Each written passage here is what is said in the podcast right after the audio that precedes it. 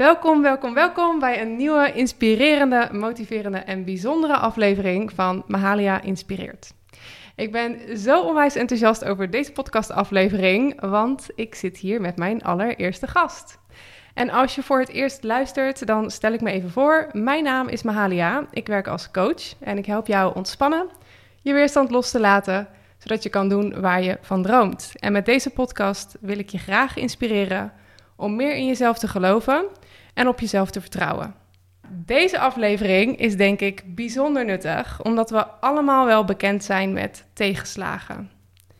Met grote veranderingen in het leven. En dat soms situaties gewoon heel overweldigend kunnen aanvoelen. En dan weet je soms even niet hoe je daar een positieve uitkomst aan moet geven of hoe je daarmee om moet gaan. En vandaag heb ik als gast een bijzonder inspirerende vrouw die haar tegenslagen heeft weten om te zetten in kracht. Tegen het eind van deze podcast heb jij een totaal andere blik over wat jouw mogelijkheden zijn, op de kracht die je in jezelf hebt en heb je ook compleet een ander idee over hoe je jezelf kan transformeren ondanks je huidige omstandigheden. Je gaat compleet anders denken over wat de eerste stappen moeten zijn. En ik denk ook dat we gaan ontdekken dat het veel makkelijker is dan we soms denken. Goed, vandaag als gast heb ik niemand minder dan Danique Melsen, spreker en auteur, die haar leven compleet zag veranderen nadat ze op 16-jarige leeftijd meerdere herseninfarcten kreeg en in een rolstoel belandde. Ondanks dat het leven haar iets compleet onverwachts voorschotelde, wist ze dit om te zetten in kracht en besloot ze haar eigen leven vorm te gaan geven. Inmiddels is ze in meerdere grote bladen verschenen, heeft ze een boek geschreven, uh, schrijft haar tweede boek en inspireert hiermee anderen om ook hun dromen na te jagen, waaronder mijzelf ook. Dus welkom, welkom, Danique. Ja, hartstikke bedankt. Hartstikke leuk om hier te zijn. Ja, super fijn dat je er bent. Voordat we jouw verhaal ingaan, ben ik heel erg benieuwd wat jij hoopt dat de luisteraar aan het eind van deze podcast meeneemt. Wat ik hoop dat de luisteraar aan het eind van deze podcast meeneemt, is dat eigenlijk hoe uitzichtloos de situatie misschien nu voor jou op dit moment ook lijkt, um, dromen toch ook echt kunnen uitkomen.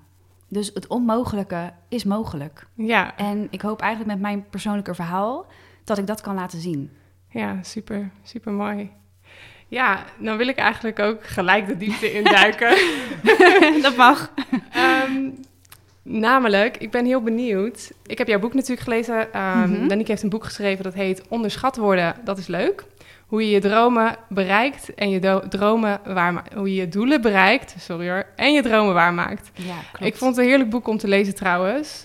Omdat het ja, super snel wegleest, maar echt inspirerend en activerend is ook. Met allemaal mooie quotes erin die je dan ook weer aanzet. Dus dat heb je super mooi. Uh... Bijna Amerikaans. nou, ik vond dat eigenlijk wel meevallen. Oké. Ja, gewoon luchtig, maar wel echt. Oké. Oprecht. Oh, dat is wat ik heel erg uh, daarin heb ja, ervaren. Oh, dankjewel. En uh, een van de dingen die ik las, ik ga even een kleine, kleine quote geven uit je boek. Spannend. uh, en dan gaan we eigenlijk misschien wel naar het dieptepunt, of dat is een stukje waarvan ik las over jouw dieptepunt. Mm -hmm. Namelijk, het ergste was dat ik door het toedoen van anderen niet meer durfde te dromen over een leven waarin ik mijn rolstoel niet nodig zou hebben. Mijn manier om te ontsnappen aan de harde realiteit was van me afgepakt. Door de pesterijen had het geloof op een goede afloop een dieptepunt bereikt. Zelfs als ik mijn ogen sloot, voelde ik mijn benen niet meer. Nou, dit raakte mij heel erg. Misschien wil je wat vertellen over ja. hoe, hoe, dit, hoe je hier bent gekomen en hoe het was op die, in die situatie. Nou, ik denk dat je één ding uh, inderdaad heel goed zegt. Dat was een dieptepunt, maar ook wel een van de vele dieptepunten in die periode. Um, want je komt als jonge meid, als puber meid eigenlijk, hè, uh, die alleen maar bezig wil zijn met uh, zoenen in de fietsenstalling, naar disco's gaan, um, nadenken over wat je wel of niet gaat studeren. Ja, kom je gewoon ineens in een hele andere wereld terecht. Echt van het ene op het andere moment. Um, en de rest gaat natuurlijk gewoon door. En dat is ook allemaal hartstikke logisch. Je vriendinnen die, uh, die gaan wel proefstuderen, die gaan wel afstuderen, die gaan wel examen doen. Um, maar ik niet. En ik had onwijs lieve vriendinnen. Eentje kwam met een taart aan, de andere met kaartjes. Uh, nou, de bezoekjes die waren er. En op een gegeven moment zie je dat dat na een tijdje ook wel weer afneemt natuurlijk. En dat is natuurlijk ook heel erg logisch. Ehm, maar wat mij vooral is bijgebleven is eigenlijk dat sommige mensen ook heel bijzonder kunnen reageren. En misschien ehm, dat de luisteraar het ook wel herkent, die nu uh, een, uh, een situatie doormaakt die heel erg pijnlijk is. En dat je dan eigenlijk, wat misschien nog wel pijnlijker is, is dan de, de opmerkingen van anderen. Die kunnen je dan echt raken. Um, en zo had ik een, een leraar die heel erg bot, uh, bot deed. Um, maar ook... wat, wat, wat zei zo'n leraar dan? Nou, dan, uh, want ik had ook uh, hersenbeschadiging cognitief opgelopen. Dus leren, lezen, um, rekenen, dat ging allemaal onwijs lastig. Maar dan zei ik van, nou, ik wil wel eens een keer proberen om een examen te doen. Of mag ik eens een keer wat stof uh, meenemen naar huis om te oefenen? En dan zei zo'n leraar van, nou, zou je dat nou wel doen? Ga maar eerst leren lopen. En dan liep hij zo door. Hmm. En dan, um, want ik werd uh, op dat moment uh, uh, dan naar school gebracht door mijn moeder, want ik kon natuurlijk niet zelf bewegen of iets dergelijks. En dan ging ik echt huilend die schooldeuren, schooldeuren verliet ik echt huilend. Um, en dat is echt op mijn dieptepunt dat ik, dat ik zelfs eigenlijk door de opmerkingen van anderen niet meer durfde te dromen op een, op een goede afloop. Ja. En dat, dat heeft mij heel erg veel pijn gedaan ook in die tijd, ja. Ja, en gewoon als ik jou dan hoor zeggen, ja, mijn moeder bracht mij naar school, want ik kon eigenlijk ook gewoon helemaal niet bewegen. Ik, dat, dat voel ik gewoon gelijk. Ik denk, wow, je kan gewoon niet zelf bewegen, waar je dat eerder wel kon. Ja, ik ging echt van een, uh, van een puber naar een peuter. Ja. Ja, ja, en voor mijn familie natuurlijk was het ook uh, um, heel heftig. Want die hadden eigenlijk ineens gewoon weer een kind, uh, kind thuis zitten. Dus mijn moeder heeft toen ook haar banen opgezegd om, om voor mij te zorgen. En daar ben ik ze natuurlijk nog eeuwig, eeuwig dankbaar voor. Want zonder hun zou ik ook zeker niet zo zijn zoals ik nu, nu ben. En hoe, hoe het er nu aan toe gaat met mij. Ja. Ja, dus ook alle credits naar hun, absoluut. Ja, super mooi. Ja. Je vertelde ook dat de opmerkingen van anderen en hoe eigenlijk de omstanders daarmee omgingen, dat dat je natuurlijk raakte en dat dat het nog lastiger maakte. Hoe ben je daarmee omgegaan? Want ik denk dat uh, als luisteraar, we hebben allemaal wel onze eigen kritiek op jezelf. Dat is al zwaar. En de dingen die je van jezelf kan verwachten. Maar als je dan mm -hmm. ook nog door je omgeving dat erbij hebt, hoe, hoe ging je daarmee om? Ja, nou ja, ik heb natuurlijk in die tijd ook heel veel gehuild. Daar zal ik ook gewoon echt eerlijk uh, over zijn. Uh, maar op een gegeven moment had ik wel zoiets van: laat ik die pijnlijke opmerkingen beschouwen als motivatie. Dus ik liet me heel, heel erg kennen en ik voelde me zwak en ik voelde me klein en ik denk het komt nooit meer goed. En op een gegeven moment kwam er zo'n kantelpunt dat ik dacht, ik ga ze gewoon de figuurlijke middelvinger geven. Ik ga ze gewoon een poepje laten ruiken. En daarom is eigenlijk ook de titel onderschat worden, dat is leuk. Dat ik dacht, ik ga ze gewoon allemaal bewijzen dat ze het aan het verkeerde eind hebben. En um, eigenlijk gaf mij dus wel de kracht, de motivatie om extra mijn best te doen. Hmm. Ja, want jouw revalidatieproces, hoe zag dat eruit? Want nou ja, je was voor de helft verlamd, begreep ik? Ja, klopt. En um, um, nou ja, het was gewoon heel erg onzeker van hoe dat dan uh, zou gaan lopen. Want ik was 16 en het was best wel uh, uh, jonge leeftijd dat je dan herseninfarcten had gekregen. Ook gelijk meerdere. Um, dus dat was voor de artsen ook echt wel onbekend. Dus het was heel erg onzeker van hoe gaat het lopen, hoe gaat mijn leven eruit zien, kan ik ooit weer studeren of zelfstandig wonen. Um, dus vooral die onzekerheid, die, um, die vond ik heel erg spannend. En nou ja, gewoon naar huis in de rolstoel. Mijn moeder die haar baan uh, voor mij had opgezegd. En na een aantal maanden toen trok mijn lichaam wel weer redelijk bij. Dus toen kon ik steeds weer wat meer. elke avond met de rolstoel naar buiten. Eerst deed ik dan even één stapje uit de rolstoel zetten. De volgende dag waren het er drie. De volgende dag waren het er weer vijf. En de andere keer was het weer één stap. Dus het ging echt met ups en downs. Maar wel met een algemene uh, stijgende lijn, zeg maar. En dat heeft dan wel echt uh, jaren geduurd. En um, nou ja, ook mentaal duurt, doet het natuurlijk het een en ander met je. Dus dat was ook wel een, uh, wel een struggle. Dat je denkt, oh, ik ben echt afhankelijk van alles en iedereen. En Hmm. ik wil ook gewoon naar de disco en een normale puberteit doormaken. Maar goed, dat, um, ja, dat heb ik eigenlijk nooit gehad dus. Ja. Dus het heeft wel echt jarenlang um, geduurd. En ja, in alle eerlijkheid, ik ben nu uh, 31, dus het is uh, 14 jaar later, zeg maar. En ik denk echt dat ik mezelf volledig heb geaccepteerd toen mijn boek uitkwam. En uh, ik vond dat echt het meest spannende wat ik ooit heb gedaan. Want ja, je hebt het gelezen, het is best wel kwetsbaar. Ik vertel over mijn ehm, figuurlijke en letterlijke littekens. Over de opmerkingen die anderen hebben gemaakt. Over de pesterijen. Um, over mijn gebroken hart. Echt letterlijk alles. Um, dus ik vond dat super eng om te doen. Maar toch deed ik het. Want de droom was echt belangrijker dan mijn excuses. Dus um, ik, ik, ja, ik wilde gewoon mijn boek in de boekenwinkel zien liggen. Dat, was, dat, ja, dat voelde ik echt een brandend verlangen als het ware. En um, daar heb ik zoveel mooie reacties op gekregen. Maar ook van vrouwen die, uh, of van jonge meiden die nu ook iets moeilijks doormaken. Uh, die er kracht uit hebben gehaald. Of um, die nu in het ziekenhuis liggen. En die me vragen hoe, uh, hoe ging jij met die eenzaamheid om? En ja, daardoor dacht ik wel, oké, met mijn verhaal, um, ja, anderen herkennen zich erin. En op dat moment um, ja, ben ik mezelf eigenlijk ook meer gaan omarmen om wie ik ben. En um, ja, bekenden die lazen het natuurlijk. Dat vond ik heel erg, uh, heel erg ingewikkeld eigenlijk. Mm -hmm. Ik denk, oh, iedereen, le iedereen leest alles van me. De mensen die dat allemaal gezegd ja, hebben vroeger, ja. die gaan het nu ook lezen. ja, precies. Ja, maar eigenlijk, um, ja, waar ik me eigenlijk een beetje voor schaamde. Want dat kan ik wel zeggen. Als ik uh, iemand nieuw zou ontmoeten, dan zou ik niet gelijk zeggen: Dit is er gebeurd tijdens mijn puberteit. Uh, hield ik het echt voor mezelf, bij mezelf. En nu ben ik er heel erg open in. Ik weet wat het me heeft gekost, ik weet wat het me heeft gebracht. En um, ja, dat vertel ik gewoon openlijk. Dus ik heb mezelf echt uh, met het uitgeven van het boek meer kunnen omarmen. En sinds ik dat doe, merk ik gewoon dat het zo... Het is zo'n verlichting, het brengt je enorm veel. De mooie kansen komen op je pad. Um, dus het is gewoon echt een heel bijzonder proces geweest. Ja, eigenlijk wat jij nu zegt, het doet me ook gelijk denken aan iets wat je in je boek schreef. Um, niemand komt schadevrij uit de arena. Ja, ja. dus accepteer dat. Ja. En ik denk dat dat een, eigenlijk een heel mooi iets is, want ik heb je dat op verschillende manieren nu een paar keer horen zeggen, om eigenlijk de shittiness van de situatie mm -hmm. zo te accepteren dat je het om kan zetten in kracht. Want op het moment ja. dat je daar eigenlijk weerstand tegen blijft houden, blijf je daarmee vechten en kom je dus ook niet Klopt. verder. Ja, houdt ietsje tegen. Ja, ja, ja. super mooi. En um, nou, je had dus op een gegeven moment zo'n kantelpunt met uh, eigenlijk die opmerkingen van anderen. Mm -hmm.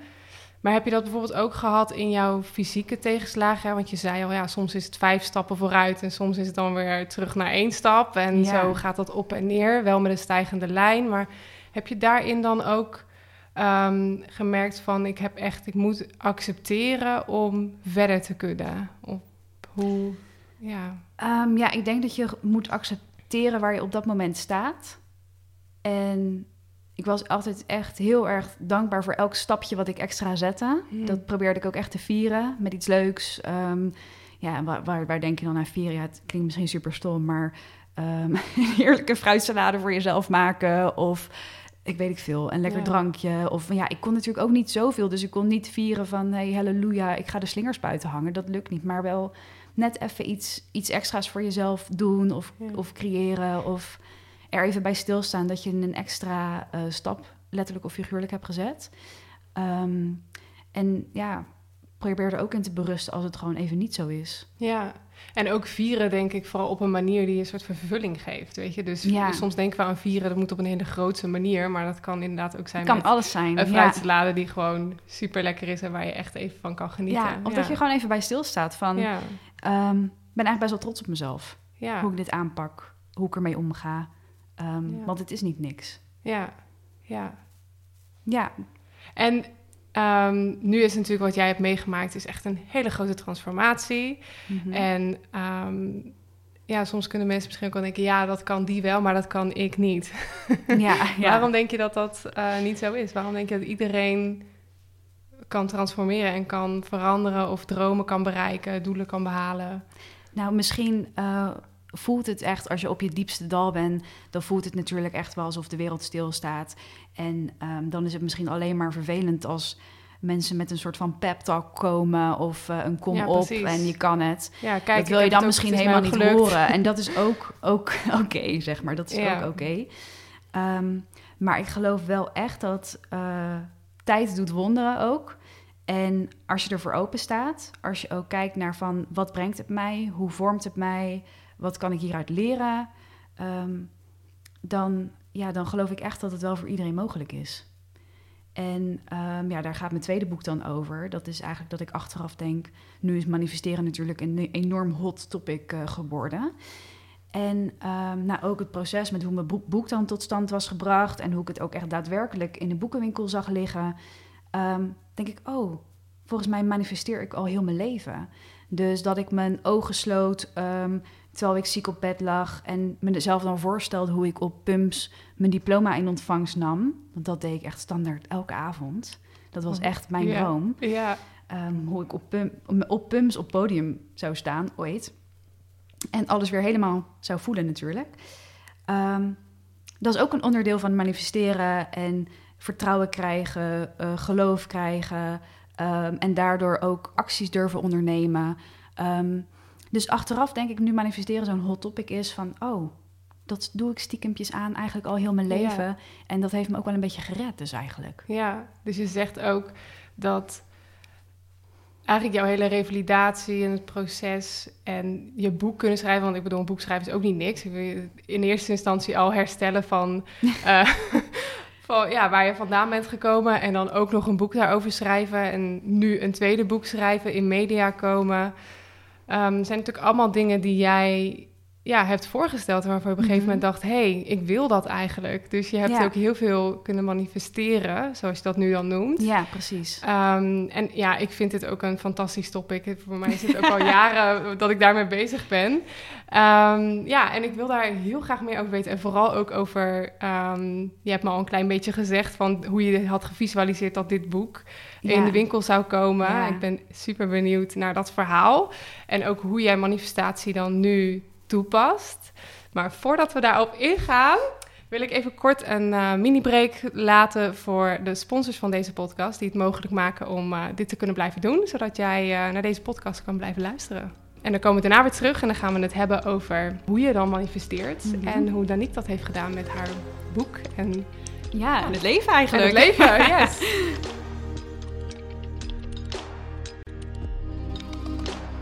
Ik ben heel benieuwd, Danique. Uh, vertel eens over jouw boek. Um, Ik heb hier een heel mooi roze boek in mijn handen met een pump op de cover. Ik snap nu ook waarom die pump hierop staat. Ja, klopt. Ja, ja. Kun jij vertellen hoe jij nu terugkijkt op dat proces van manifesteren van je boek? Ja, nou ja, dat kwam dus eigenlijk... Um ja, een, boek schrijven was echt wel het engste wat ik ooit heb gedaan, eigenlijk. Omdat het echt zo'n kwetsbaar en persoonlijk verhaal is. En dan, nou ja, wat ik net al zei, dan leest iedereen het en dergelijke. Dus het was best wel lastig en ingewikkeld. En dan stop je er weer even mee en dan ga je er weer even voor. En dan denk je, ja, ik moet dit gewoon doen. Ik, ik voel het. Wacht, wacht. Ik ga je heel oh. even onderbreken, want ik vind het zo mooi wat je zegt. Je zegt eigenlijk iets heel belangrijks. Je hebt een van de mooiste dingen voor jou gemanifesteerd. En dat mhm. voelde dus super, super kwetsbaar. Ja, en... En dat betekent dus ook voor jou als luisteraar...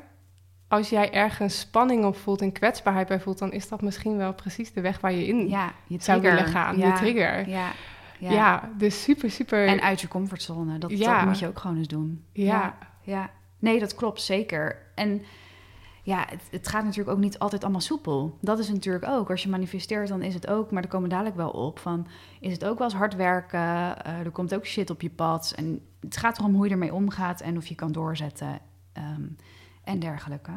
Maar ik vond dat dus echt uh, ja, het meest spannende wat ik ooit in mijn leven heb gedaan.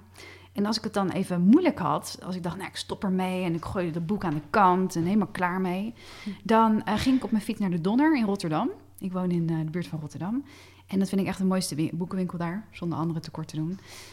Um, en dan liep ik naar de plek waarvan ik wilde, hoopte, dacht dat mijn boek daar ooit zou liggen op een dag. En dat um, is dan met de roltrap omhoog. En dan zie je ja, de tafel met de boeken um, waar het over persoonlijke ontwikkeling gaat, psychologie, mindfulness. Een beetje zo'n uh, afdeling, zeg ja, maar. Ja, ja, precies. En dat deed ik echt best wel vaak. En dan deed ik even een kopje koffie in de stad en dan ging ik weer naar huis. En dan had ik weer inspiratie om te schrijven. En nou ja, uiteindelijk na een aantal jaren kwam dat boek dus echt uit. En uh, misschien heel erg raar dat ik dit dus heb gedaan, maar ik heb het echt gedaan. Ik ben met mijn fiets naar, um, naar de Donner gereden, want ik denk, ik moet dat boek nu ook gewoon echt zien liggen. Ja. en um, nou ja, je raadt het misschien al, maar dat vond ik dus zo verbazingwekkend. Ik sta in die, op die roltrap en ik denk, nee, zie ik daar nou serieus iets roze? Zie ik daar nou iets roze liggen? Is dat mijn boek? Is maar ik dacht boek? nog van, nee, ik verbeeld het me, weet je wel. Want ik heb dat natuurlijk al jarenlang, maakte ik die voorstelling in mijn hoofd. Ja. Dus ik denk, nee, dat zal toch niet, dat zal toch niet, dat zal toch niet. En ja hoor, precies op het hoekje van, van dat schap, zeg maar, lag mijn boek zoals ik het echt al die tijd gevisualiseerd had. ja, zo mooi. En eigenlijk was het nog beter dan dat, want daarnaast lag het boek van Oprah Winfrey, Wat is je overkomen?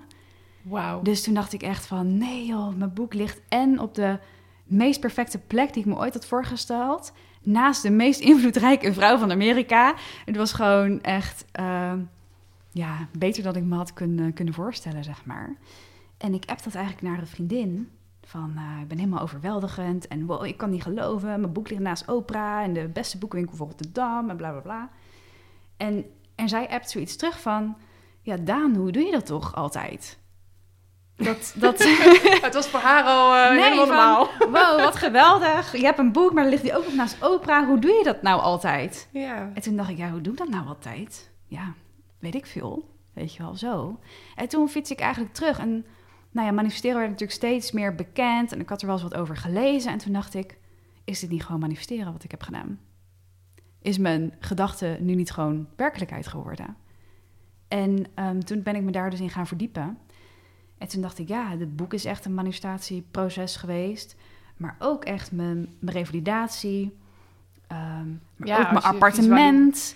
Ja, Ja, als je heel tijd visualiseert, ik ga op pumps mijn eh, diploma in ontvangst ik nemen, ook ik, ga kunnen lopen. Ja. En je gaat helemaal dat visualiseren en al daarop voelen van hoe dat Ja. dan is.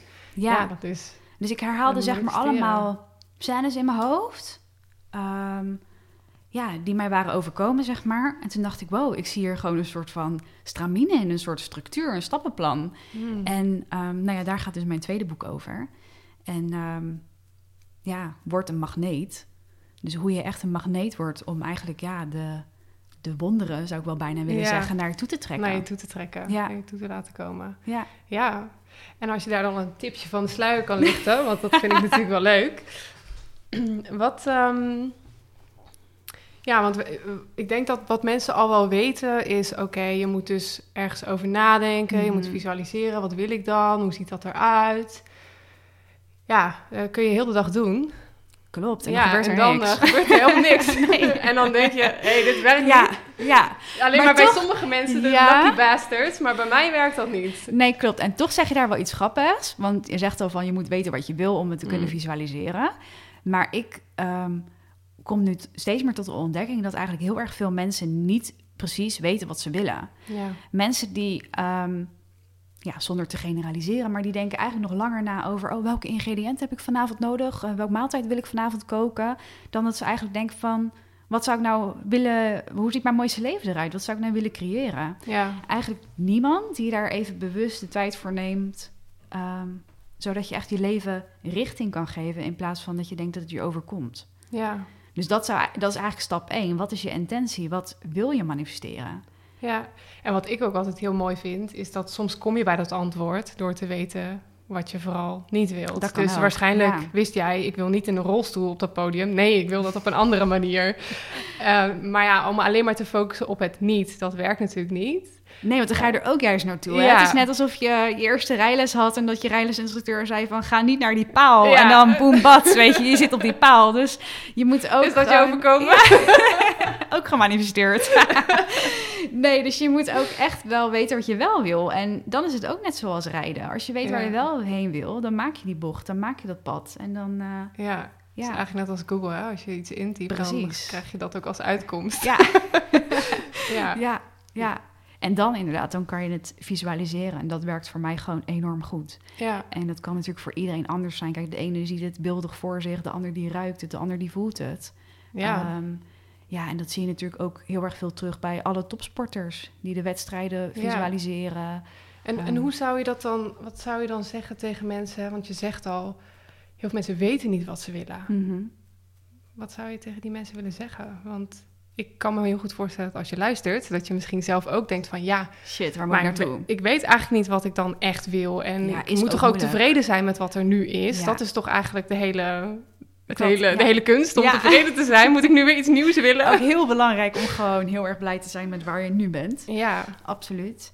Ehm, nou ja, als je echt ook niet weet welke richting je op wil, dan is mijn advies: ehm, wat, wat is het gevoel dat je wil hebben? Hmm. Wil je vrijheid bijvoorbeeld? Focus je dan op dat gevoel en manifesteer dat gevoel. Ja, En dan komt er vanzelf. een vorm die daarbij past. Ja, precies. Misschien Ja. is dat meer geld, zodat je, weet ik veel, vrij kan nemen van je loondienst, eh, loon, baan- en loondienst. Ehm, misschien is het reizen, maakt niet uit. Maar als je eerst focust welk gevoel wil ik manifesteren, Mhm. dan zit je eigenlijk altijd goed. Ja. Ja, dat is mijn tip. Ja. ja, en ik denk ook altijd dat mensen die zeggen... ja, maar ik, ik wil eigenlijk niks. Voor mij klinkt dat persoonlijk... Ehm, soms een beetje gek, omdat ik denk... maar we willen allemaal iets. En ik denk dat het een Mhm. hele natuurlijke behoefte is... omdat Ja. in de natuur en in de wereld Zeker, alles, alles- blijft ontwikkelen. alles dus groeit. jij als mens Ja. ook. Ja, Dus als je helemaal geen verlangens Klopt. hebt, dan... dan maar ik denk Sta je ja, dat je dan deze podcast niet zou luisteren. True. ja, dus je voelt ergens al wel, ik wil iets Ja, anders. ja, dat denk ik wel. Je bent waarschijnlijk Ja. geïnteresseerd in persoonlijke ontwikkeling, in groei. En, klopt. ehm, ja, ja. Dus als je het niet helemaal weet, focus je op een gevoel. Richt je op een gevoel. ja. Met gevoel zit je altijd goed. En dan ga je dus visualiseren. Ja. Of als je eenmaal misschien wel een beeld hebt. Je gaat visualiseren, je gaat voelen. Ja. En dan? En dan, ja, als je dat echt bij wijze van dagelijks, ik doe dagelijks, echt voordat ik ga slapen. Ehm, dat is trouwens ook de beste moment om het te doen, omdat je daarna Ja. natuurlijk je onderbewustzijn kan het heerlijk goed opnemen. Ehm, maar dan zal je vanzelf zien dat het in je hersenen wordt het heel belangrijk. Dus ik had elke keer boek, boek, boek. Ja. En elke keer als ik hoorde van iemand heeft een boek geschreven, oké, hoe heeft hij of zij dat dan gedaan? Of ik zag een uitgeverij voorbij komen. Oh, zou dat misschien iemand voor mij kunnen zijn? Of weet je, mijn hele brein was erop gestuurd om, dat, om die droom zeg maar te laten uitkomen. En dat is ook wel heel erg wat je met visualiseren doet. Je, ja, je maakt je brein alert ervoor. ja. En dat is net hetzelfde als je zegt van... ehm, Zodat je het ook kan gaan herkennen hè, als het zich Ja. aandient. Of als Dat je er opportunities herkent, zich ja. eh, voorkomen. Dat je dan daarop kan Ja. reageren. En dat is ook heel bijzonder, want ehm, eigenlijk normale dingen die je zou uitfilteren met je brein, die hoor je dan ineens. Dus kansen komen plotseling op je pad. Ontmoetingen eh, die bijzonder zijn. Ja. Ehm, ja, dan hoor je ineens iemand praten, een opmerking die normaal helemaal aan je voorbij zou gaan, maar nu niet. Ja. Omdat het kan bijdragen aan, aan het verwezenlijken van je doel. ja. Dus ehm, het is eigenlijk ook gewoon een simpel trucje om je brein op aan te zetten. En ehm, nou ja, wat je net al zei, hè, visualiseren werkt heel goed als je dat vlak voor het slapen gaat doen. Ook als je net wakker bent. Omdat klopt. inderdaad dan Ja. de overgang van bewust naar onbewust eh, ja, makkelijker gemaakt wordt. Ehm, dus dat is denk ik wel een goede tip om eh, aan mensen mee te geven. Mhm. Besteed aandacht aan je dromen vlak voordat je gaat slapen. Ja, of schrijf het op voordat Of je gaat als je wakker slapen. ja, Ja, of Ja. als je net wakker bent. ja, inderdaad. En als je dat visualiseren echt nog een stapje verder wil nemen, Mhm. dan, ja, ze zeggen dan, dan is het een identity shift. Ja. Dus dan Ja, ga deze je... die, die voel ik heel sterk. Ja, dan ga je lopen. Hoe zou ik lopen als mijn boek is Ja. uitgegeven? Hoe zou ik lopen als ik die promotie heb? Hoe zou ik lopen als ik die miljoen op mijn bank heb? En Ja. dan, ja, dan, dan straal je dat uit. En nou ja, wat je dus uitstraalt, trek je aan. Ja. En het is ook gewoon echt wetenschappelijk bewezen dat ehm, je, hormoonhu- je hormoonhuishouding verandert. Als je? Als je dus doet alsof je die persoon bent die je wil zijn. Ja. En dat is echt magisch. En Ja. ehm, nou ja, ik heb dan bijvoorbeeld heel mijn kledingkast uitgeruimd. Dat ik dacht van nee, al die kleding, dat is, dat is niet mijn next level you, zeg Ja. maar. Ik, ik- dat is niet die krachtige vrouw die ik wil zijn. Mhm. Dus ik heb al mijn kleding, zeg maar, die daar niet mee matchte, aan een goed doel gegeven. Ja, ja. prachtig. Dus ik heb Ja. bijna niks meer over. Ja, ik vind wat je zegt over identity shifts, dat klikt bij mij eh, gelijk heel snel, omdat ik dit precies zelf ook heel sterk ervaar. Ja? Ik wilde op een gegeven moment consistent gaan sporten. Mhm. Nou, ik ben op zich altijd wel redelijk sportief geweest, maar om nou echt vier keer in de week naar de sportschool te gaan, dat zag ik mezelf nooit doen. Want sportschool vond ik saai en nou ja, ik, heb er allerlei, ik had er allerlei overtuigingen Mhm. over.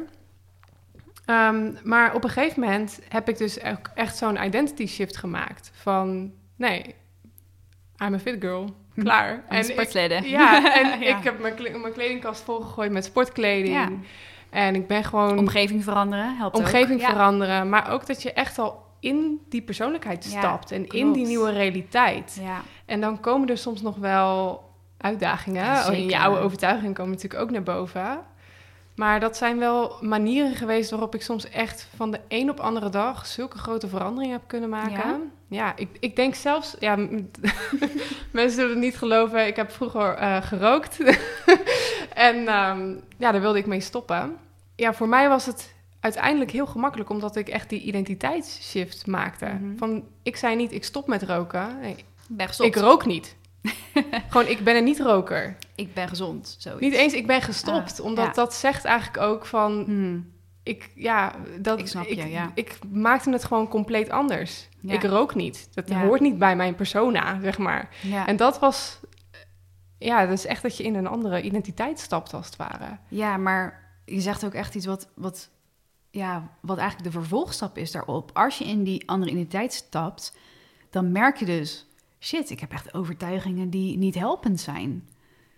Ehm, Nou ja, bij jou misschien met het sporten... ehm, dat je de overtuiging had van ik ben niet sportief of zoiets. Nou, of meer dat de sportschool niet bij mij zou passen. Dus te, Ja. te macho omgeving of zo. Ik had daar Ja, allerlei andere precies. gedachten over. Ja. ja. Maar dan word je eigenlijk geconfronteerd met ja, hetgeen wat jou echt niet meer dient. En dan mag je daarmee aan de slag gaan. precies. Ja, super mooi. Ja, want je overtuigingen zijn natuurlijk jouw waarheid, maar het is niet de waarheid. Dus je kan echt je eigen verhaal kan je gewoon blijven herschrijven. En dat is ook weer wetenschappelijk onderzocht en ook bewezen. Je hersenen ehm, zijn gewoon plastisch. Dus you can write your own story. Ja, je kunt echt je hersenen ja. Beïnvloeden en veranderen. En de patronen die daarin zitten Ja. ombuigen. En dan moet je natuurlijk wel eerst weten wat je belemmerende overtuigingen zijn, zodat je ze kan transformeren in helpende overtuigingen. Maar eigenlijk zeg je dus ook, die belemmerende overtuigingen, die komen vooral naar boven op het moment dat je dus iets anders gaat doen. Als je uit die comfortzone stapt. Dat is Ja. wat ik zelf ook ervaar. Ja. Soms voel je ze ook al wel van tevoren, waardoor je de stap niet eens durft te maken. Maar eigenlijk krijg je pas de kans om er echt wat mee te doen als je de stap zet. ja, klopt. Want je wil verder. Ja, en ik denk dat dat, ehm, ja, mindset, we hebben er in het Nederlands vind ik niet echt een heel goed woord voor. Ja, eens. Maar ja, voor wat mij betreft bestaat je mindset dus uit overtuigingen. En die overtuigingen zijn echt wel hardnekkig. Die vorm je vooral je eerste zeven eh, levensjaren. Ja. En het is echt een ingesleten iets waar je echt best wel je best voor moet doen om dat te veranderen. En dan heb je ook nog je gedachten. Ja, dat zijn ook overtuigingen natuurlijk. Ja, ja, ja, ja. Oh ja, zeker waar, ja. Oh. Ehm, nee, maar die zijn hardnekkiger dan je gedachten. Je gedachten zijn vluchtiger. Ja, En eh, ja, ik heb ook wel eens even bewust bij, bij gestaan van ehm, welke gedachten ik heb. En dat is Ja. echt best wel heel negatief. En het zijn er 60.000, 80.000 op een dag. ja, en vaak ook dezelfde. De hele dag Ja. door. en ook dezelfde die van de dag daarvoor. Ja. Eh, dus je komt natuurlijk wel in dan een soort van patroon terecht. Dus het is ook heel erg belangrijk om je bewust te worden van... wat denk ik nu eigenlijk gedurende de dag? Ja, En wat ik nog magischer vind misschien, is welke woorden gebruik je. ja. En eh, ja, met woorden maak je dus echt je gedachten fysiek.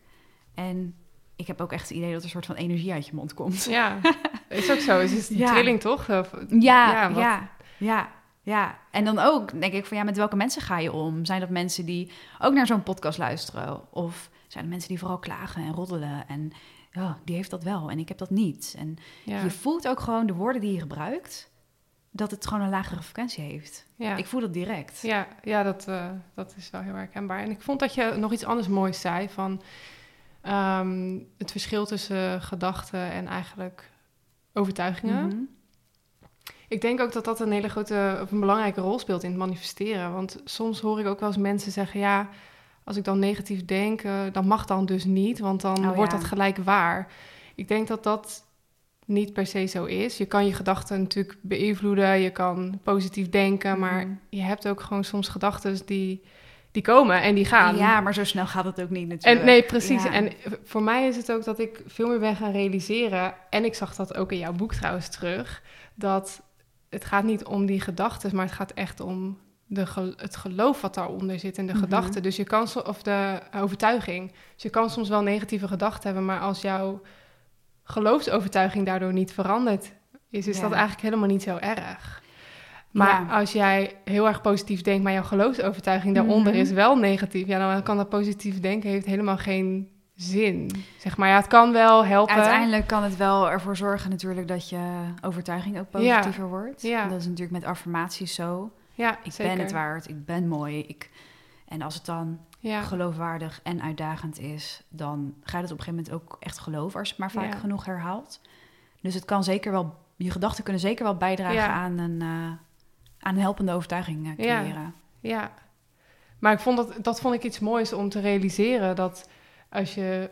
eh, dat, je hoeft niet alleen maar heel de tijd positief te denken. Nee, zolang je maar zorgt dat je genoeg gedachten Ja. hebt... die jouw overtuigingen daardoor Ja, en eh, daar, veranderen. ja, en daar ligt ook wel een beetje mijn ehm, weerstand tegen het manifesteren, wat, hoe het soms gebracht wordt. Ja, Het is alleen maar liefde en licht. ja dat, En dat is het ook gewoon niet, weet je. Het is niet dat als je manifesteert dat er nooit meer shit op je pad komt. Ja, Of dat je nooit meer zagrijnig mag zijn. Of weet je wel, alsjeblieft, stop die emoties niet weg. Want ja, hoe meer je de aandacht op richt, hoe groter het wordt. ja, en hoe meer je het ook wil onderdrukken, hoe meer... eh, Ja, het is een bal die je zeg maar onder water eh, ja. duwt. Die komt naar boven. Dus Ja. ja. geef daar gewoon alsjeblieft aandacht aan. En wees dan ook niet bang van... oh, maar dan gaat mijn energiefrequentie eh, heel erg omlaag. Of ja. zo snel gaat het niet. Nee, nee, precies. En ik denk ook dat het juist het pad vrij maakt. Ja, Weet je, dat juist door ehm, te voelen waar je echt nog je weerstand hebt zitten, Ja. dan ga je dat loslaten. En dan kan je dus Ja. gaan openstellen voor dat wat aan de andere kant ligt. En dat vind ik ook mooi, want dit, dit doet voor mij dan denken aan wat je in je boek schreef: van je krijgt niet wat je wilt, maar je krijgt wat je bent. ja, ja. Ja, dat dus echt gaat over wat geloof je over jezelf. Mhm. Ja, en, en daar zie je zeg maar al dat ik... Onbewust was ik al wel bezig met manifesteren. Want toen ik het boek schreef, was het eigenlijk helemaal geen topic in mijn leven. Ja, Alleen toch ehm, ja, lees ik nu als ik soms eens doorheen blader of zo. Oh, dat was eigenlijk ook al. En visualiseren was altijd al. En ja. weet je wel, dus het is wel grappig eigenlijk. Ja. ja, en ik denk dat heel veel mensen het onbewust ook doen. Ja. Sporters en zo. Zeker. Visualiseer de wedstrijd. Ja. eh. Of dat je zegt, oh, ik ben altijd een dromer. ja, Dat is natuurlijk gewoon visualiseren dan. ja, zeker. Ja, en wat ik denk ook heel erg belangrijk is... ehm, ja, ik vind zelfliefde altijd zo'n blauw woord. Maar het Ik gebruik het heel veel. Sorry. nee, geef niet. Maar het is natuurlijk wel super belangrijk. Ja, Want je kan alleen maar hetgeen ontvangen wat jij denkt dat je waard bent. ja, En als jij denkt dat je het niet waard bent, dan krijg je het ook niet. ja. Dat is eigenlijk een beetje de magneet zijn. Als jij niet voelt dat Ja. je een match bent met iets, dan kan het ook niet naar je toe komen. Nee, precies. Dan sta je er ook niet voor open. Ja, dat is zeker waar. En ik vind het echt super ingewikkeld hoor. Want wanneer hou je van jezelf, wanneer hou je niet van jezelf? Het is iets ongrijpbaars af en toe. Ehm, maar ik denk dat het belangrijkste is, is zelfcompassie. Ja, Voor mij is dat echt wel, ehm, ja, wel een shift. Dus geef je meer aandacht aan je inner criticus of aan die cheerleader. ik vind het wel mooi, want je zei al wel van... ehm, je moet het wel het werk doen naar binnen toe. Hè? Van, Mhm. Je kan niet alleen maar jezelf aanmoedigen en nooit dan de pijnlijke gevoelens of de angsten die Ja. daar ook zitten, dan maar negeren. Want die hebben ook zo zijn functie. Die zijn er niet voor Zeker, niets. Weet ja. je? je hebt natuurlijk al die patronen en mechanismen opgebouwd om Ja. jou ook veilig te houden, omdat het toen nodig was. ja, te beschermen. Of, Ja. ehm, en ja, ik denk ook dat het heel erg goed is om, om je dat te beseffen. Om er als het ware liefdevol afscheid van te Precies. nemen. Ja, Want het heeft je ook wel gebracht waar je nu bent natuurlijk. En daar mag je ook gewoon super trots op zijn. Dus dat ook, ja. ja. En dat is ook natuurlijk een stukje zelfliefde van... af en toe mag je iets loslaten. ja. En dat kan dus echt verschillen van, nou ja, die kleding die ik dan heb weg- weggedaan... of eh, ja, je overtuigingen die je niet meer dienen. Mhm. Maar ook misschien wel personen in je omgeving... ehm, waarvan je zegt, ja, ik weet niet of ik helemaal afscheid van ze kan nemen... maar Ja. ik wil iets meer afstand nemen bijvoorbeeld. Wat zijn dat dingen die jij ook nu aan het doen bent eh, voor het bereiken van jouw volgende doel? Dus jouw volgende boek komt straks uit. Mhm. weet je al wanneer trouwens? Oké, Eh 2023 in ieder geval. in ieder geval dit jaar. Oké. En Ja. ehm, heb je dan ook dat je daarvoor merkt: hey, dit heb ik nog los te laten? Ja, zeker. Kun je dat Ja. delen? Ik ben heel benieuwd. Ehm, nou, als je het echt, echt hebt over overtuigingen. Ik had echt ehm, heel erg lang de overtuiging... niemand zit op mij te wachten. Of niemand zit op mijn verhaal te wachten. En ehm, ja, ik denk, jij hebt het net over sporten... maar ik denk dat bij mijzelf een beetje is gekomen... ehm, echt wel voor die zevende levensjaar, zeg maar... dat alles natuurlijk best wel heel erg bepalend is. Dat ik nooit werd uitgekozen eh, bij gym, zeg maar... om in een team deel te nemen. Dus het duurde bij mij altijd eindeloos... Hmm. Totdat ik zeg maar eindelijk bij een team mocht horen. met de sportlessen.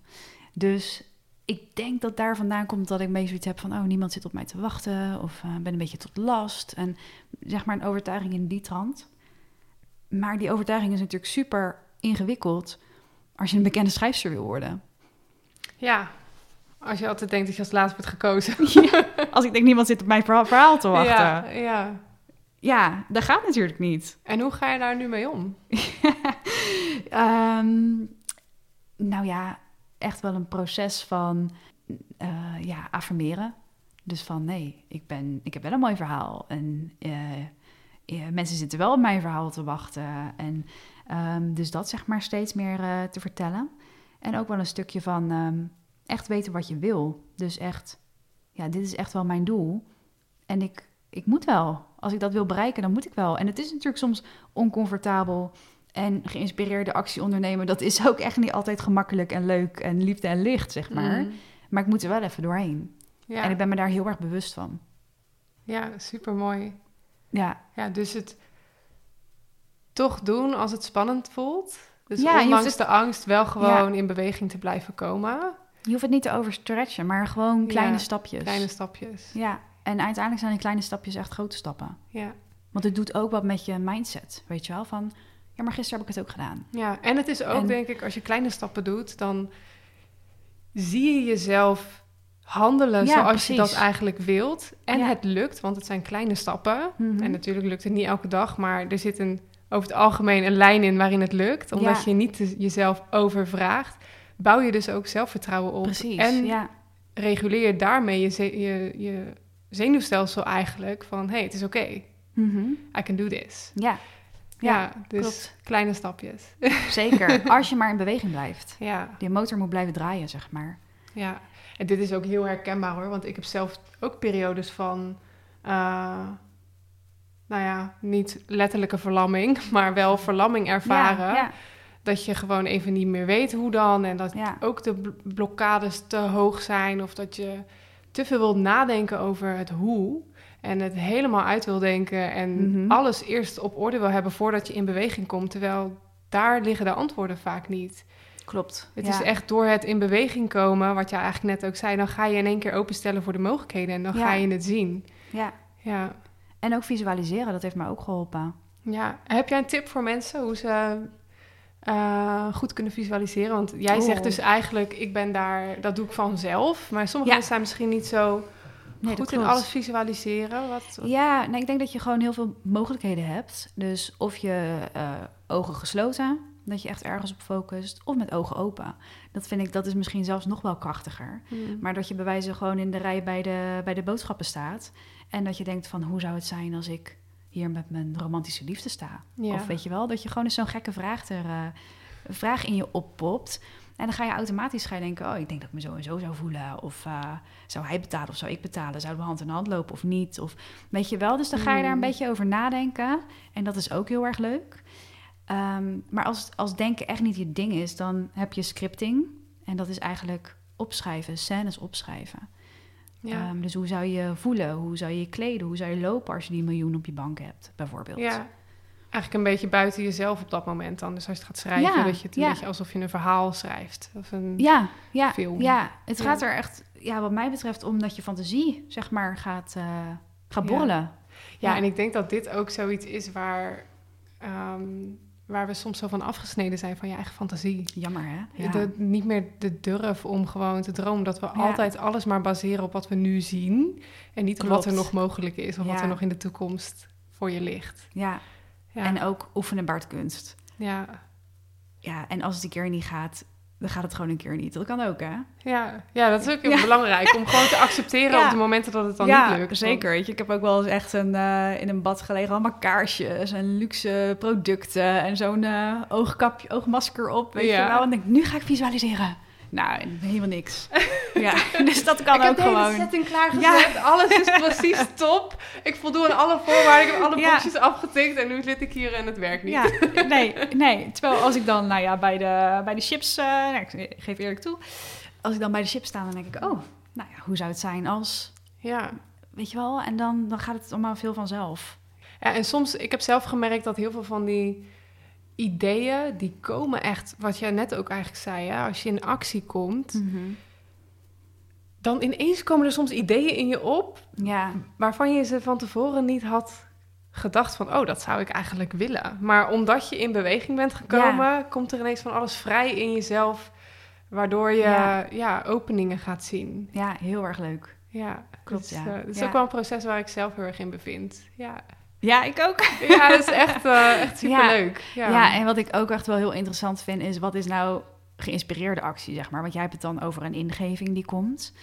Ehm, want ik denk dat we als maatschappij best wel ehm, ja, geënt zijn op hard werken.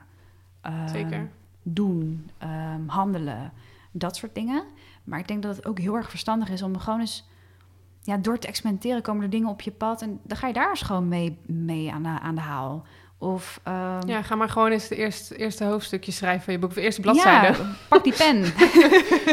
Zo, maar ook misschien ehm, als je onder de douche staat en ineens denkt: Zo, dat is een leuk idee. Ja. Ga daar eens voor. Weet je wel, ook al is het out of the box. Maar je krijgt ook niet zomaar zo'n ingeving. En het is niet ehm, dat het allemaal helemaal lineair hoeft te lopen of logisch hoeft te zijn. Dat, dat hoeft niet. Weet je, een vriendinnetje van mij die kreeg de ingeving. Zij zocht een huis in Rotterdam in een hele specifieke buurt. Dicht, bij, Hmm. dicht bij Kralingse Bos. I love it. Ehm, maar onmogelijk. En de makelaars zeiden ook van nee, dit is gewoon onmogelijk. Want als hier al een huis ooit te koop staat, wat bijna niet gebeurt, want die doorstroming is heel laag, Ja. dan ehm, is er al direct een koper of is het al via via gegaan of weet je wel. En toen dacht ze, nou, maar ik kan toch gewoon proberen om eh, bij de mensen briefjes in de bus te doen of ze misschien hun huis eh, willen verkopen. Nou, en je raadt het al, gewoon een oud vrouwtje die zegt van ja, ik zit de hele tijd te twijfelen, maar ik moet nu toch echt naar een bejaardentehuis. En ik vond je briefje zo leuk, ik wil het aan jou verkopen. ja, zo zie je toch dat ook mensen verbinding willen met elkaar. Ook, ja, ja Dat- klopt. Ja. dat- Maar het is ook gewoon, ik denk, je krijgt een ingeving. Ja, Ik bedoel, wat heb ik te verliezen? Ik doe gewoon die briefjes in de bus. ja, En je hebt gewoon je droomwoning te pakken. ja. Ja, ik heb zelf ook deze woning gemanifesteerd, Ja? waar ik nu zit. Ja, het is ook echt een heel grappig verhaal. Ik woonde, eh, nadat mijn relatie voorbij ging, een tijdje gezamenlijk. Nou, daar zit je echt niet op te wachten. dat kan ik je vertellen. Ja, sommigen wel. Ja, sommigen wel, inderdaad. Ik heb, vroeger wilde ik altijd in een community wonen. Nou, dat heb ik gemanifesteerd. ja. ik, eh, nee, ik woonde in eigenlijk een studentenhuis wel met werkende, allemaal mensen die aan het werk waren al. Maar ja, op een gegeven moment merkte ik, ik wil dit niet meer. Ik wil Mhm. gewoon mijn eigen plek weer. En die ruimte en vrijheid, mijn huizenmarkt, Rotterdam, is Ja. allemaal gedoe. En op een gegeven moment, ik weet het nog heel goed, ik zat gewoon in mijn bed en ik dacht, ik ben er wel echt klaar voor. Ik ben er klaar voor. Alles is oké voor mij om nu te verhuizen. Ik ben er klaar voor. Hmm. Maar ik weet even niet hoe. ja. Ik heb alles ik, ik reageer op woningen als ik wat zie. Ik, ik, De ik doe mijn stappen, ding. Ik doe ja. mijn dingen. Ik doe de stappen. Maar weet je wat? Ik vertrouw erop. En ik voelde echt dat ik het ook losliet. Weet je, ik had Ja. echt zoiets van: ik vertrouw erop dat de juiste plek gewoon komt. En als dat over een maand is of over een half jaar, dan is Mhm. dat zo. Maar dan is het ook echt een plek waar ik me goed voel. Ik had binnen twee weken twee huizen. ja? Die allebei heel fijn waren, waar ik gewoon uit kon kiezen. En dat andere huis heeft een vriendin van mij nu. Dat is Oh, echt, gewoon Oh, gaaf. Ja. zo bijzonder gegaan dat ik dan denk: Maar heb jij dan ook, want je zegt het is zo bijzonder gegaan, maar heb je dan ook ergens zo'n ja, zo'n sparkling in je dat denkt, Die dit kan kan meer. eigenlijk niet, weet je Oh. wel? Nee, maar dit, dit, dit is eigenlijk, ja, ik weet niet, dit moet iets magisch zijn. Ja, ik denk, ja, ik denk zeker dat eh, hoe de wereld in elkaar zit, of Mhm. ja, dat de dingen die wij niet kunnen zien, eh, in hoe we als mensen met elkaar verbonden zijn, in Ja. hoe dingen lopen, ja, dat kunnen we gewoon niet overzien. Dus soms moet je loslaten. En of je dat dan, God noemt het universum, of ik weet Ja. niet wat, of gewoon het leven, of Ja, eh, toeval, of whatever. Maar dat, ja, ik voel wel dat daar, dat je, als je daar vertrouwen in durft te hebben. Mhm.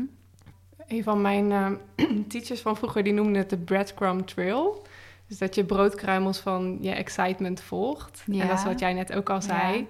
Dat je gewoon eigenlijk als je ergens enthousiasme op voelt of inspiratie, Ja. dat je dan gaat handelen. En dat kan een beetje van links naar rechts gaan.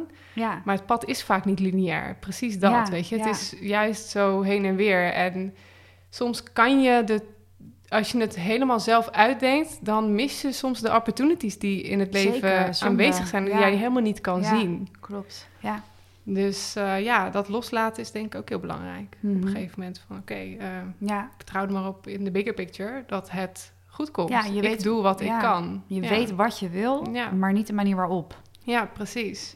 En daardoor kan het gewoon heel bijzonder lopen. Ja. ja, en als je wel de manier waarop heel erg voelt qua inspiratie, dan kun je Kan natuurlijk ook. Die, Ja. die acties ondernemen. Ja, en ik denk dat het dan wel ja, belangrijk is dat je, dat je niet alleen maar struggelt, stresst, hustelt, weet je wel. Maar dat je echt Ja. gewoon ja, in ease, in flow. Ja, En ehm, dat maakt het ook leuk. ja, Dat, ik denk Ja. dat dat heel erg belangrijk is, dat je ook gewoon dat plezier blijft houden.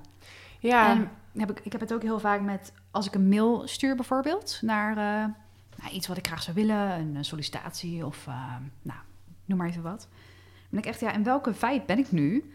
Hmm. Want dat, ja, ik heb het idee dat je dat een beetje in die mail uitstraalt. Ja, dus eigenlijk een beetje in welke identiteit zit ik? Ja, ja, Waarop ja. je deze mail nu zit te typen. Ja, nee, ik denk, ja, bewust of onbewust. Je, je gebruikt toch andere woorden, je Ja. typt anders.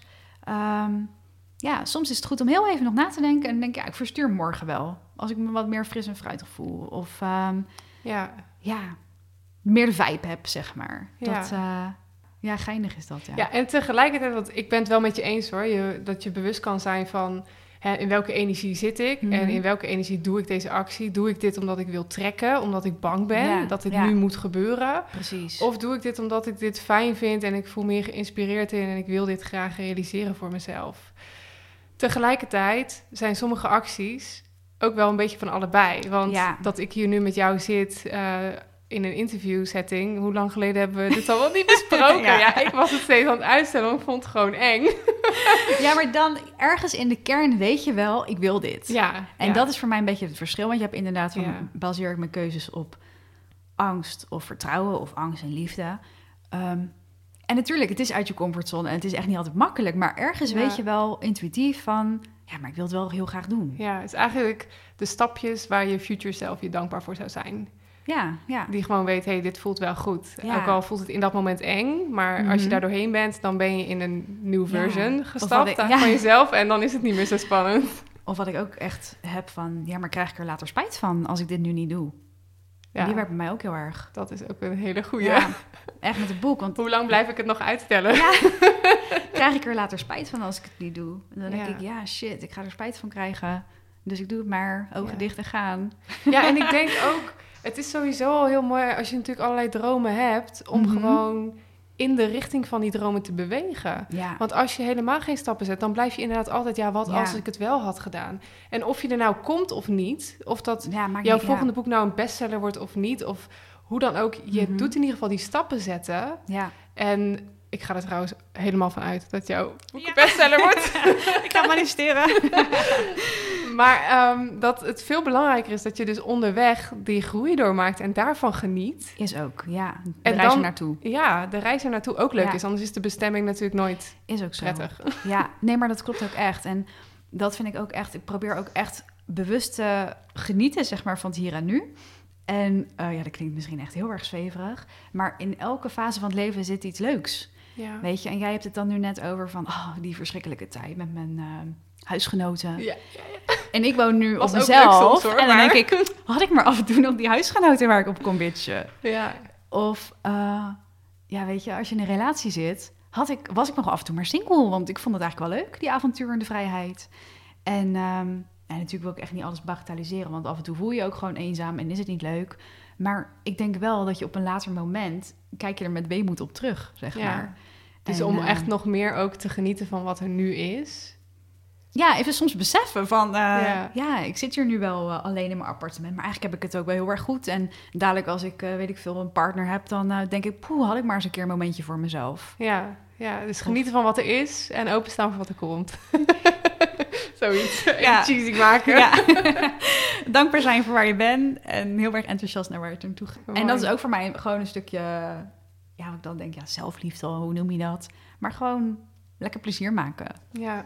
dat. Ja, en weerstand los. Weerstand tegen wat er nu is, maar ook weerstand tegen wat er misschien nog kan komen. Ja, Dat je ja. daar ja, Ja. meer open voor staan. En vertrouwen houden. Wat jij net ook zei, van of het over twee jaar, twee maanden is dat huis gaat komen. Ja, Als je dat zo voelt, dat is gewoon een superkrachtig... eh ja, vanuit een krachtige plek kom je dan. Ja, ik, ik, bij mijn appartement, ik eh, stond volgens mij nummer 21. En toen dacht ik, ja, maar ik ga gewoon alvast meubels kopen. en, en dan heb ik het Geweldig. niet eens bewust over supergrote dingen of zo. Hè? Maar weet je, bestek en een leuk vaasje. En, en Ja. eh, toen dacht ik, ja, dat is eigenlijk ook onhandig. Want waar laat ik het nou weer als ik het niet word? Toen dacht ik, ja, maar koop het gewoon, want eh, ik word het ik gewoon. word het toch. Ja, Nou, en ik werd het. ja. gewoon al helemaal ervan uitgaan. Ja, ja, ja, dat er helemaal het verwachten, zeg maar. Alsof je in een restaurant zit en je eten bestelt. Ondertussen geniet van je drankje en de muziek en de En je verwacht ambiance. gewoon, maar eten Maar- komt zo. Ik ga niet die keuken checken, want het komt toch wel. Ja, Dus ehm, ja, dat gevoel, zeg maar. dus ik ook vind wel dat super geinig. go all in. Gewoon, Ja. heb er echt vertrouwen in. Ja. Neem de acties. Ja, en weet je, eh, bij mij zijn natuurlijk ook wel eens... Ik weet niet of jij dat ook herkent... dat je dan zeker weet van... dit wil ik echt dolgraag. En als ik dit nu niet krijg, dan eh, ben ik echt helemaal verloren. En dan krijg je het niet. En dan ben je in zak en as. En dan, weet ik veel, een paar maanden, een paar jaar later denk je... ik ben zo blij dat dat anders is gelopen dan dat ik had gehoopt. Dat vind ik ook zo geinig. En Steve Jobs zei dat natuurlijk van... eh, you can only connect, connect dots looking backwards. Mhm. En zeker als het dan niet helemaal gaat zoals de manier waarop ik hoop, dan vind ik dat in ieder geval een hele verzachtende gedachte. Ja. Dat ik denk, ah, waarschijnlijk komt er iets mooiers op mijn pad, of was het niet de bedoeling. Ehm, dat helpt mij in ieder geval, laat ik het zo zeggen. Ja, ja, ik vind dat ook een hele mooie hoor. Om soms gewoon stil te staan bij, oké, eh, datgene wat uit mijn leven weggaat, op wat voor reden dan Mhm. ook, ja, dat, eh, dat heeft ook zijn functie gehad. En ja, misschien is het achteraf inderdaad wel beter of ja. het geeft ruimte voor andere dingen. Niet per se goed of fout of beter of slechter, maar gewoon Ja. iets nieuws. ja. Ja, ja, en dat vind ik eigenlijk wel het meest, ja, misschien wel het bijzondere van mijn verhaal. Dus dat ik echt zoiets op, op mijn zestiende dacht van, mijn leven is nu gewoon over of zo. Zo'n gevoel had ik wel, zo'n dieptepunt. En dat ik dacht van ja, en ik wil, ehm, want ik wilde altijd al ooit schrijver worden, ik wil spreker worden. Maar hoe kan ik nou spreker worden als ik niet eens eh, kan staan? Ehm, en nu eigenlijk, alles wat ik ben, komt door die gebeurtenis. ja. De Ik roman. krijg helemaal een soort kippenvelgevoel, omdat ik ook zo denk, jij wilde heel graag schrijver worden en op een podium gaan staan. Maar hoe dat zou gebeuren en met welk verhaal dat zou zijn, ja, Mhm. dat weet je van tevoren niet. En het is natuurlijk super zuur aan de ene kant dat dat met zo'n heftige Ja. gebeurtenis moet zijn, of voor jou heeft moeten zijn, maar tegelijkertijd heeft het ook jou laten zien dat er heel veel kracht in je zit. Ja, en brengt het me dus eigenlijk alles waar ik van heb gedroomd. Ja, En ik dacht altijd van, oh, het wordt een cheesy roman die ik ga schrijven. Want dat wilde ik echt al toen ik twaalf was of zo. Weet je, altijd zo'n fluffy pen met schrijfboekjes en dat soort dingen. Ehm, ja, ja, toen werd ik ziek en toen werd schrijven werd eigenlijk mijn grootste nachtmerrie. Want ik kon ook ja, gewoon niet goed lezen. Niet, dat, het lukte gewoon allemaal niet. En dat het dan nu, weet je wel, geef het de tijd. En dat het dan nu juist is waar mijn boek over gaat. Dat vind ik wel weer een soort van cirkel die rond is of zo. En dat het juist het verhaal is waarmee ik op Pums op het podium sta. Ja, dat, ja, Ja, ik vind het echt prachtig. Ik vind het zo, ik vind het zo mooi dat je ja, dit gewoon voor jezelf hebt kunnen realiseren. En dat je echt die kracht uit jezelf hebt geput. En natuurlijk heb je hulp van mensen gehad, Mhm. maar jij moet het wel zelf doen. Ook al heb Ja. je allemaal mensen om je heen. Ja, en ik vind het wel heel erg lastig, hè, want eh, ja, in die zin is mijn verhaal uiteindelijk heel erg optimistisch. En natuurlijk heb ik nog last van, eh, van mijn hersenbeschadiging. Eh, ben ik vaker moe of moet je me absoluut niet meenemen naar een bioscoop, want daar word ik helemaal niet vrolijk van. Dat soort dingen. Ehm, en ik, ja, ik wil het absoluut niet bagatelliseren voor mensen die nu ehm, ja, last hebben van hun gezondheid of echt even geen uitweg zien. Ehm, dus ehm, ja, dat vind ik echt sorry om dan, om dan te horen, zeg maar. Maar ik hoop wel gewoon, vertrouw erop, geef het tijd. Er is licht aan het einde van de tunnel. Dat is echt mijn boodschap eigenlijk. Ja, en voor sommige mensen is het ook dat met de... eh, want kijk, jij eh, kunt nu op Pumps op het podium staan. Mhm. Maar wellicht had je nog in een rolstoel gezeten... en had je ook op een podium kunnen Ja. staan of zitten. Awkward. Ja. Ehm, Ja. en Dus ja, soms weet je ook niet hoe dat gaat, maar dat er dingen mogelijk zijn, Ja, is voor mij Ja. in ieder geval, er moet altijd een mogelijkheid zijn. klopt. Ja, ja en dat, eh, want ik had net nu natuurlijk verteld over de mensen die dan gemene opmerkingen maken, waardoor je juist in een dieptepunt belandt. Maar ik ben me er ook heel erg van bewust dat iedereen het verschil kan maken. Want ik had ook een lerares, wiskundelerares, die zat in een rolstoel. En ik vond het altijd een beetje spannend. Van, kan je daar naar vragen? Of wat is er gebeurd? En ehm, is dat not done als ik vraag hoe dat bij haar is gelopen, weet je wel? En toen uiteindelijk, toen ehm, een paar maanden later, raakte ik natuurlijk zelf in de rolstoel. En ik merkte dat ik gewoon wat minder aansluiting had met mijn vriendinnen, die natuurlijk met hun leven doorgingen en dergelijke. En toen heb ik haar opgezocht. En toen was zij degene die mij natuurlijk compleet begreep, omdat zij ja, hetzelfde had doorgemaakt. En dus onze band die, die versterkte enorm. En zij gaf mij echt allerlei tips, weet je wel. Van, ga niet naar de kruidvat, want dan kom je nooit meer levend uit. Zeker niet op zaterdagmiddag. Nou, ik denk dat je daar wel een voorstelling van kan maken Ja, met alle pallets en weet je wel. Maar zij gaf mij dus ook het beste advies wat ik ooit heb kunnen krijgen. En dat heeft echt mijn leven veranderd. Zei, Danique, kijk nou niet naar de dingen eh, die je niet kan, maar focus je op de dingen die je wel kan. En dat ben ik vanaf dat moment gaan doen. Dat deed zij trouwens ook altijd. Dus daar is zij echt mijn inspiratiebron in geweest. En dan zie je eigenlijk van, ja, mijn leven is nog niet voorbij. Ik kan eigenlijk nog best wel veel. En, en dan, als je daar meer de focus op legt, dan worden die dingen ook groter. En toen durfde ik dus eigenlijk weer te dromen. En dan letterlijk en figuurlijk, stapje voor stapje, ehm, ja, zit ik hier nu, zeg maar. Maar het advies van, kijk niet naar wat je niet kan, kijk naar wat je wel kan. Dat is voor mij echt eh, life-changing geweest. En ehm, ja, ik hoop eigenlijk dat ik, zeg maar, zoals zij voor mij het verschil heeft gemaakt, dat ik dat misschien ook voor, eh, voor iemand kan doen. Ja. Dan wel met mijn boek, dan wel op podium, dan wel met deze podcast. Ehm, ja, dus dat is nu wel echt mijn drijfveer eigenlijk. ja. Dat ik denk van, oh, het had ook echt heel anders kunnen aflopen met mij als ik haar niet had ontmoet. Of als zij dat niet tegen mij had verteld. Of weet je wel, dan denk ik, oh, waar zou ik dan nu staan op dit moment? Mm. Dus ehm, ja. Ja. Super mooi. Ja, ik, eh, ik, ik vind het een prachtig verhaal. Ik ben ook heel erg benieuwd naar je volgende boek. Wordt een Mhm. magneet. word een magneet. Yes, en, eh, van uh, Danique Melsen. ja. en ehm, ja, is er nog iets waar je, wat je nog als laatste ding zou willen meegeven? Of iets waarvan je denkt, hé, hey, dat hebben we besproken. Dat wil ik nog eventjes benadrukken voor de luisteraar. Ehm, nee, eigenlijk nee, ga ervoor. Ja, Als je, wat ik dan wel een mooi vind, als jij echt diep iets in je hart iets wil, als je dat echt voelt, dan eh, mag je erop vertrouwen dat het ook ehm, voor jou bestemd is. Ja. Dus eigenlijk hetgeen wat jij wil, wilt jou ook. ja. En eh, ja, en eh, ja, daar geloof ik in, daar vertrouw ik op. Ehm, dus wat jij wilt, wilt jou ook. Ja. Die leuke relatie, die fijne baan, ja, die eh, gelukkige gevoelens. Al het eh, geld. Het geld, ja, die reizen. de reizen. Nee, alles wat je, waar jij naar verlangt, verlangt ook naar jou. Ja, En ehm, dat vind ik ook het meest bijzondere, weet je. Dan ehm, raak ik nu steeds meer met mensen in gesprek en iedereen heeft een andere droom. ja, En dan denk ik, oh, dat zou echt helemaal niks voor mij zijn, wat je nu zegt. ja. Maar super voor fijn, jou, leuk dat jij... Ja, maar dan denk ik, zie je, de wereld is zo verschillend, zoveel mensen, zoveel smaken.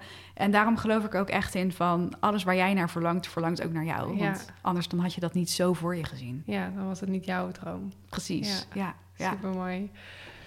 Goed, super fijn om je hier eh, als gast te hebben, Danique. Dank je wel voor al je inspiratie en je openheid. En aan de luisteraars, dank je wel dat je hebt geluisterd naar dit eerste interview. Kop is eraf. De kop is eraf, inderdaad. En ehm, in de show notes kun je natuurlijk de linkjes vinden naar eh, socials en het boek van eh Danique. Ja, en ik zou graag willen afsluiten met eigenlijk jouw woorden. Ja, wat jij wilt, wilt jou ook. Mhm. Dus ga ervoor. Dankjewel hè. En als jij nu zelf ook aan de slag wilt gaan met manifesteren door visualisatie, luister dan ook zeker eventjes naar de volgende aflevering van deze podcast, waarin ik jou in een geleide meditatie ga helpen om jouw dromen en toekomstbeelden te visualiseren.